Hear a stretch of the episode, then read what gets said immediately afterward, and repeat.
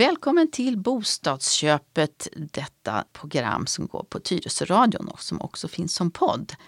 Jag heter Katarina Johansson Nyman och med i studion är som vanligt Anna Svanholm från Skandiamäklarna. Hallå, hallå Anna. Hej! Ja, då kör vi igen då. Nu är det dags. Ja, vad ska vi prata om idag? Idag ska vi tillträda bostaden vi har köpt har vi tänkt oss. Men innan vi gör det så ska vi berätta lite vad som händer mellan kontraktet och tillträdet. Precis. Och den tiden mellan att man har skrivit kontrakt till, till att man tillträder då sin bostad, hur, hur lång brukar den tiden vara oftast? Alltså det kan variera. Jag skulle säga att eh, förr var det mer vanligt. Då kunde man säga att det var ungefär två månader när det gällde bostadsrätter och tre månader när det gällde hus. Eh, idag så säljer man ju ofta först fast man inte har köpt någonting för att man ska veta vad man har för ekonomi att köpa något nytt för. Och då kan det vara upp till ett halvår, det kan vara nio månader. Eh, det kan vara snabba puckar, det kan vara två veckor ibland. Eh, så det finns eh, det hela spannet. Ofta så är det så att säljare och köpare väljer att komma överens. Så det, men, men normalt, frågar en spekulant mig så brukar jag säga att det är om vi hus, ja, men ungefär tre månader. Om inte säljaren har sagt att Nej, men sex månader har vi, det går inte. Men i de flesta fall så är säljarna flexibla. Så är det. Mm. Mm. Och när man då köper en bostadsrättslägenhet så måste man ju då ansöka om medlemskap hos föreningen. Vem är det då som gör det? Är det köparen som gör det eller brukar ni mäklare hjälpa till med det? Det hjälper vi som mäklare till med. Så att under kontraktskrivningen när man skrivit överlåtelseavtalet så får man också skriva på en ansökan om inträde i medlemsföreningen. Och det är inga konstigheter, då skickar vi iväg den tillsammans med överlåtelseavtalet. Och sen så får man bekräftat att man har blivit medlem och då betalas handpenningen ut för då alla villkor uppfyllda. Men det kan ta några veckor? Ja, det kan ta upp till en månad egentligen. Men eh, är det så att det är ett snabbt tillträde då får man ju hjälpa till att skynda på det. Det som är att tänka på det är att om man köper en HSB-förening så kan det vara så att för att kunna få beviljat medlemskap i den så att säga bostadsrättsföreningen så måste du också ha ansökt om medlemskap i den stora centrala HSB föreningen. Aha, mm. Men det, det, är sånt som ni kan och, och hjälper till? Och, ja, det upplyser vi om ja. så att det är inga konstigheter. Nej. Och har du varit med om att man har nekats medlemskap? Mm, det har jag. Eh, det är inte så lätt att bli nekad medlemskap i en förening. Det man oftast tittar på det är att man har eh, förmågan att betala månadsavgifterna i föreningen så att eh, själva bostadsrättsföreningen slipper ta de kostnaderna. Eh, det som är det är att eh, om det är så att du inte har till exempel tillräckligt stor inkomst eh, så, så får du, kan du få sätta undan pengar under ett halvår. Eh, du har, eh, man kan också titta på om du har en förmögenhet. Jag har varit med om att jag hade en gammal dam som köpte en lägenhet och inte fick medlemskapet beviljat för att hon hade så otroligt låg pension och kunde på pensionen egentligen inte klara sig när hon skulle betala avgiften. Men hon hade en rätt diger förmögenhet som översteg tvåsiffriga miljonbelopp så att eh, till slut så förstod de att hon klarar av det här i alla fall. Men då fick hon deponera sex månaders avgift så att föreningen skulle ha det. Och man kan inte säga nej på grund av att man är rädd för störningar till exempel. Har, har du hört talas om det? Eh, nej. Det, nej, det har, jag har aldrig varit med om det. Men det borde man ju inte kunna. För att, ja, men även om du har varit en störande individ för flera år sedan så behöver du inte vara det nu. Du kan alltså inte ens eh, neka någon som eh, är dömd för brott eller någonting. För då anser man ju att man har sonat brotten. Det skulle i så fall vara om du har betalningsanmärkningar. Eh, men, men ofta så är det ju så här att du får ju inte ens eh, ett banklån om du inte kan finansiera ditt boende. Nej precis, för det borde ju vara så att har banken sagt ja så borde ju också föreningen säga precis. ja kan man tycka. Så är mm. det. Mm. Och ja, som vi pratade om i förra programmet då, då kan det ju vara att man har en sån här klausul och det ska ha gjorts olika saker, besiktningar till exempel. Förhoppningsvis har då köparen fått sin handpenning. Och ehm, ja, vad händer precis innan tillträdet? Ja, det börjar ju med, när vi har haft kontraktet och haft de här besiktningarna som kanske tar ungefär två veckor, då har vi betalat ut handpenningen till säljaren och sen så efter det så så är det ju lite i väntans tider beroende på hur lång tid det tar. Som köpare då, eh, när du har gjort dina besiktningar och all, när du har allting det eh, och koll på alla de bitarna. Ja, men då kanske det kan vara såna praktiska saker som att du vill träffa säljaren i huset igen för du behöver mäta lite grann. Jag brukar säga att eh, det är jättekul när köpare och säljare har en bra kontakt. Men, men som köpare kanske man inte ska springa hos säljaren hela tiden utan försök göra det, de ärenden du har vid ett och samma tillfälle. Men, men det man ska tänka på som som köpare när du ska flytta in så är det ju såklart att du ska boka försäkring. Och den ska du ha från den dagen du tillträdde huset, inte dagen efter eller någonting. Även om säljarens försäkring faktiskt går över i 30 dagar så ska du se till att du har försäkringen från dag ett. Och säljaren ska absolut se till att de fortfarande har det fullvärdesförsäkrat fram till den dagen man tillträder. Och det har vi inskrivet i kontraktet också, för det är ju jätteviktigt. Så att det inte händer någonting. Eh, när du har tecknat försäkring så ska du tänka på att du ska ha ett elabonnemang och anmäla det. Eh, bor du i en bostadsrätt så brukar det lösa sig. Men om du en dag inte har det, så, så om du inte har tecknat det, så en dag så har du inga lampor att tända.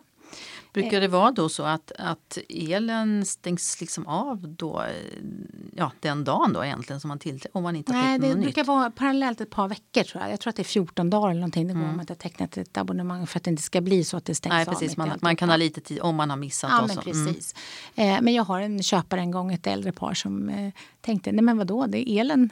Vi hade ju el förut, det följde väl med hit, men det gjorde inte riktigt det. Eh, och sen så om du köper en fastighet så ska man se till att man eh, tecknar ett abonnemang vad det gäller vatten och avlopp och sophämtning.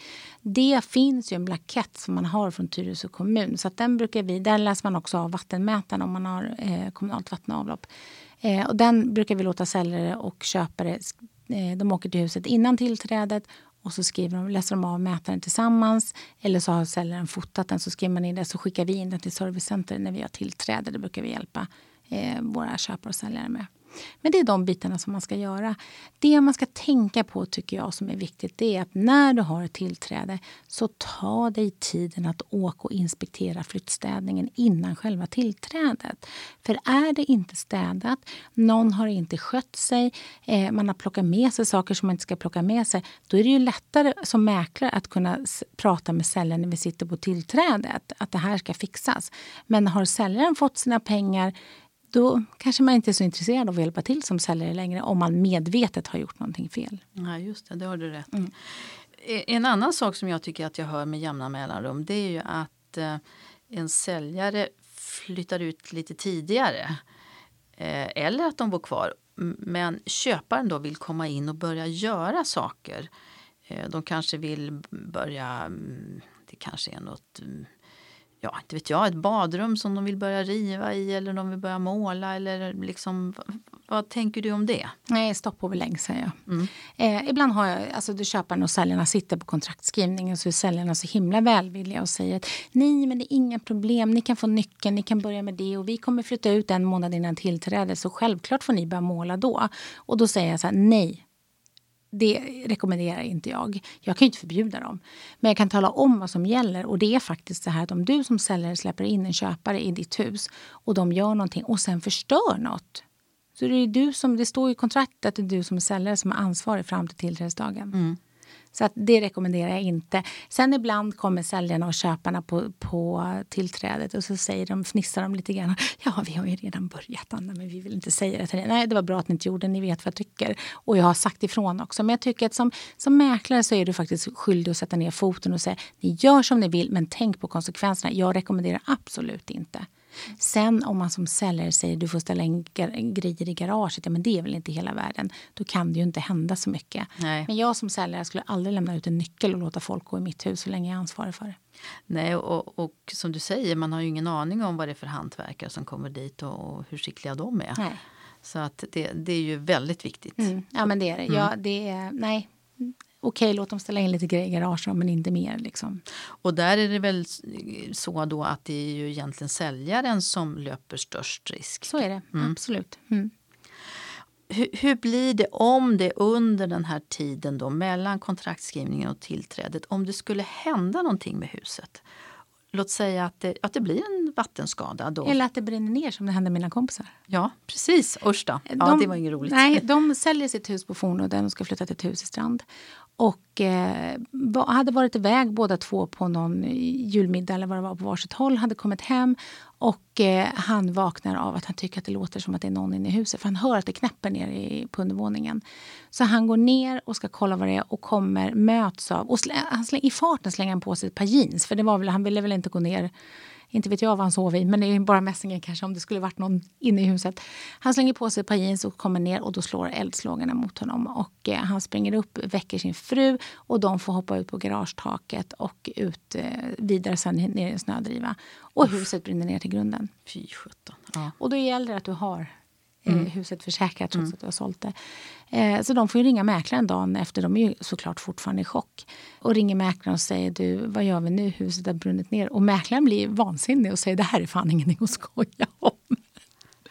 Ja, man kan ju nästan men tro, vi gör inte det. Nej. Och då var jag lite stressad också såklart. Men eh, det löser sig. Har man det försäkrat. Jag menar, säljarna fick ett helt nytt hus. De fick bo eh, på hotell tills de kunde hitta ett extra boende. Det var ju en tid kvar, men det var inte många veckor kvar innan tillträdet. Eh, så det löstes ju bra för alla parter, så det var inga konstigheter. Men där ser man hur viktigt det är att det faktiskt är försäkrat. För det är så att säljaren är ansvarig från kontrakt, mellan kontrakt och tillträde eh, oavsett om det är säljaren som har vållat det eller om det är en olyckshändelse. Men i det här fallet, de hade ju redan sitt nya boende fixat då antar jag. Ja, säljarna leder ju inte för stor skala. Nej, precis. För, eller ja, i alla fall inom loppet av några veckor så precis. skulle de ändå ha flyttat. Ja. Men hur gick det för köparna då? För det kan ju varit så att de, de hade redan, alltså de hade ingen annanstans att bo. Men ja, alltså fick de tror, De fick säkert då? någon sån här, det finns ju alltså jourlägenheter ja, som man ja. får bo i om det händer någonting. Mm. Så att jag tror att det löste sig på så sätt. Men de fick ju ett helt nybyggt hus istället. Ja, där de kunde välja allting precis som de ville. Ja, precis. Så det mm. kanske blev bra ändå. Men det är ingenting man drömmer om bara för att få ny, ett nytt hus. Så är det ju. Men det löser sig om det är försäkrat. Mm. Mm. Du, en annan sak som jag tänkte på. Det kan ju vara så att under tiden då eh, mellan själva tillträdet och att man då eh, har, har skrivit sitt avtal. Då kanske man vill förhandla villkoren för de lån man har. Man kanske preliminärt har fått lånelöfte hos en bank men, men sen så kanske man vill gå och kolla hos lite andra banker om man kan få bättre villkor. Ehm, eh, funkar det så? Absolut, det ska man definitivt göra. Se till att du har ett lånelöfte i kontraktskrivningen och sen har du ju tid på dig att gå runt och fråga vad du vill ha för eh, vilken bank du vill använda dig av. Men en månad innan tillträdet så måste vi ha uppgifterna på mäklarkontoret för att kunna boka tid för tillträde. Så man kan inte förhandla ända till dagen innan tillträdet. Nej, just det. Du, och, och själva tillträdet då, förr i tiden då träffas man ju på banken. Mm. Men det gör man inte längre. Nej, nu är det mäklarkontoret man träffas på. Bankerna vill ju inte ha, träffa sina kunder längre. Nej, det är ju så. Och, och då eh, måste man ha förberett då med banken? Eller hur, hur, liksom, hur ja, men det löser det vi alltihopa. Så när kunderna har skrivit kontraktet och vi har fått reda på vilken bank köparen har. För det är hos köparens bank som vi bokar tid för tillträdet. För det är de som ska se till att säljarens lån löses så att man har det på det torra så att säga. Och då träffas vi på kontoret och då har man redan innan bokat. Vi har gjort ordning, eh, Pia som jobbar hos oss, hon har gjort ordning alla likvidavräkningar där man har skrivit in lånen, vad det är för räntor som ska betalas och man ser alltihopa. Så man har en, en likvidavräkning på tillträdesdagen. Sen när köparna kommer, om det då är en fastighet, så kommer de till oss och skriver på likvidavräkningen och köpebrevet. Och så skickar vi in det till banken. Och när det har, eh, pengarna har rasslat omkring i cyberspace och lånen har blivit lösta och resten har hamnat på säljarens konto, då får vi ett kvitto mejlat till oss. Och då har säljarna och köparna suttit och fikat och haft det trevligt en stund och sen är allting klart. Och hur lång tid brukar den här bankprocessen ta då? Alltså normalt nu skulle jag säga, vi har ju ett nytt eh, arbetssätt som man jobbar i Tambur där man lägger in alla uppgifter som mäklare. Det är bra, men jag gör inte det så ofta längre. Så jag, jag, jag, jag kör fortfarande på gamla vanliga sättet. Jag skannar in och mejlar eh, till utbetalningsgrupperna. Men det går alltså jag skulle säga en halvtimme, 40 minuter. Mm. Sen kan det vara, om man har tillträde runt den sista och den första där många vill ha sina tillträden, då kan det dra ut på tiden. Då kan det ta en timme. Ibland är det ju datahaveri hos bankerna också. Då kan det ju ta en halv dag. Då får man ju skicka iväg köpare och säljare. Gör någonting annat under tiden. Jag ringer er när vi har fått kvittona. Men det låter ändå som att det går ganska fort nu för tiden. För jag kommer ihåg på den gamla goda tiden när det kunde ta flera timmar om man satt där och Ja, ja. väntade. Nej, men så, det, tar, det går ganska fort nu. Mm. Det gör det. Ja. Och det, jag tycker ju, jag tror att både köpare och säljare och framför allt vi mäklare tycker att det är jätteskönt att vi ses på vårt kontor istället, istället för att köparen hade banken i Hässelby så skulle man åka från Tyresö till Hässelby och så skulle man sätta sig där och vänta och åka tillbaka. Och var det då den sista eller första då kunde man ju åka som en, ja, över hela stan. Mm. Men nu är man ju också, eftersom att vi köper och säljer i Tyresö och då är det skönt att ha tillträde till där också. Ja, förstås. Och eh, själva tillträdet då, vad är det man ska tänka på inför det rent liksom, konkreta tillträdet då när man ska åka till sitt hus? Ja, men jag tycker att innan man träffas hos oss på, på mäklarkontoret så ska man träffas med säljaren. Gå igenom huset, gå igenom vatten, eh, alltså om du har en brunn, om du har eget vatten. Septetanken, hur gör man med de här bitarna? Eller om du har en eh, bergvärmepump, hur funkar inställningen? Alltså att du har alltihopa. Du får ju oftast en huspärm, men säljaren är ju den som är expert och vet exakt hur man ska gå tillväga. Sen ska man också träffas precis innan till dagen innan tillträde och kolla så att städningen är verkligen är väl utförd. Eh, vi har en städfirma som jag har arbetat med, i- jag har arbetat med dem de senaste 13 åren. Och då vet jag att kan inte köparen komma dit då så har de en garanti så att de kan komma tillbaka och, om det är som man inte är nöjd. Men om jag hade köpt ett hus så skulle jag också besiktigat städningen innan. Jag gjorde inte det när jag köpte mitt nuvarande hus. Jag kommer inte göra om den tabben kan jag säga. Nej, nej, du, vis av skadan. Precis. För jag tänker, det, det är just precis som du säger, eh, det är klart att det kan vara en ekonomisk fråga men det är ju väldigt geschwint att ha en städfirma. För just om det blir klagomål så kan man ju bara liksom vidarebefordra till dem då som, som säljare. Precis. Och sen är det så att en flyttstädning är inte bara en vanlig städning Nej, där man dammsuger golvet och svabbar av lite grann. Mm. Det ska göras rent i diskmaskiner, i tvättmaskiner. Alltså du ska fixa ordning så att det är nystädat i golvbrunnar och du ska fixa ordning i kök. Alltså det är mycket att städa. Märker du skillnad på klagomålen om, det, om man har städat själv eller om det är en städfirma? Ja, det gör jag. Och jag märker skillnad på vilka städfirmor man anlitar också. Så är det. Men om man städar själv så blir det oftare klagomål. Mm. Mm. P- Precis, för, för det där det hade nog inte jag tänkt på. Diskmaskin som du säger. Kyl och frys brukar man ju tänka Mm. på, putsa fönster och sådär. Men, men, och lister och så. Men, men diskmaskin, ja, nej, det är lätt att Ja, gl- det är mycket glömma. att tänka på. Mm, Liksom. Absolut. Sen just golvbrunnarna tar man själv. De tror inte jag att städfirmorna tar för det är en försäkringsfråga om man drar golvlås eller eh, vad heter det nu? Golvbrunnen. Just Mm. det. Ja, Vattenlåset. ja. Du, har säljaren en skyldighet att gå igenom alltså, tekniska detaljer? Det kan ju vara hur värmen funkar eller vattnet funkar eller olika avstängningsgrejer och ventilation och sådär. Har de en skyldighet att göra det gentemot Man, köparen? man lämnar ifrån sig en husperm så att säga så man kan få instruktionsböcker såklart.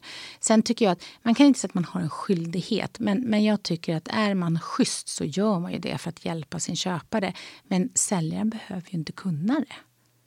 Det, det finns ju, som jag vi har pratat om förut, vet jag, lägenhetsmänniskor som bor i hus och de har ju oftast ingen kunskap om det Nej. heller. Det har gått lite på halva boliner. Eller om det är ett dödsbo till exempel, då är det ju ganska svårt för dem som är efterlevande att gå igenom huset med köparen. De vet, de har ingen kunskap om det. Nej, så kan det ju förstås vara. Mm. Du, tycker du att man ska byta nycklar när man tillträder?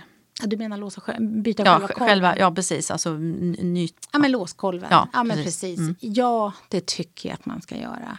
Eh, och så kan du fråga mig vad mäklaren gjorde då. Nej, hon gjorde inte det för hon satte in ett kodlås i dörren här för ett par år sedan. Men, men jag rekommenderar folk att göra det. För det, det är ju faktiskt det här att det vet man ju hur det är om man har barn eller om man tappar en nyckel själv. Det kan vara en nyckel på vift någonstans. Det, det kan vi ju inte garantera. Eh, och, och det är faktiskt så att byt låskolven om du vill vara på den säkra sidan. För även om säljaren har uppgivet att de har fyra nycklar och att de inte har tappat någon. Nej men kan, den förra ägaren kan ju ha tappat en nyckel. Så jag skulle definitivt byta. mm, det, det är en säkerhetsgrej helt enkelt. Mm. Sen tycker jag att det här med kodlås är ju fantastiskt. Särskilt för oss mäklare när vi kommer till visningarna. För vi behöver inte hålla reda på alla nycklar. Vi har bara en kod som vi går in Ja, det måste ju vara fantastiskt. Ja, det är lätt. Mm. Ja. Då har vi pratat om det som är fram till tillträdet och själva tillträdet. Mm. Ja, då har man antagligen flyttat in. Då. Det är ju ganska skönt. Ja, nu är det bara inflyttningsfesten kvar. Precis. Mm. Ja, tack så mycket för idag, Anna. Tack så mycket.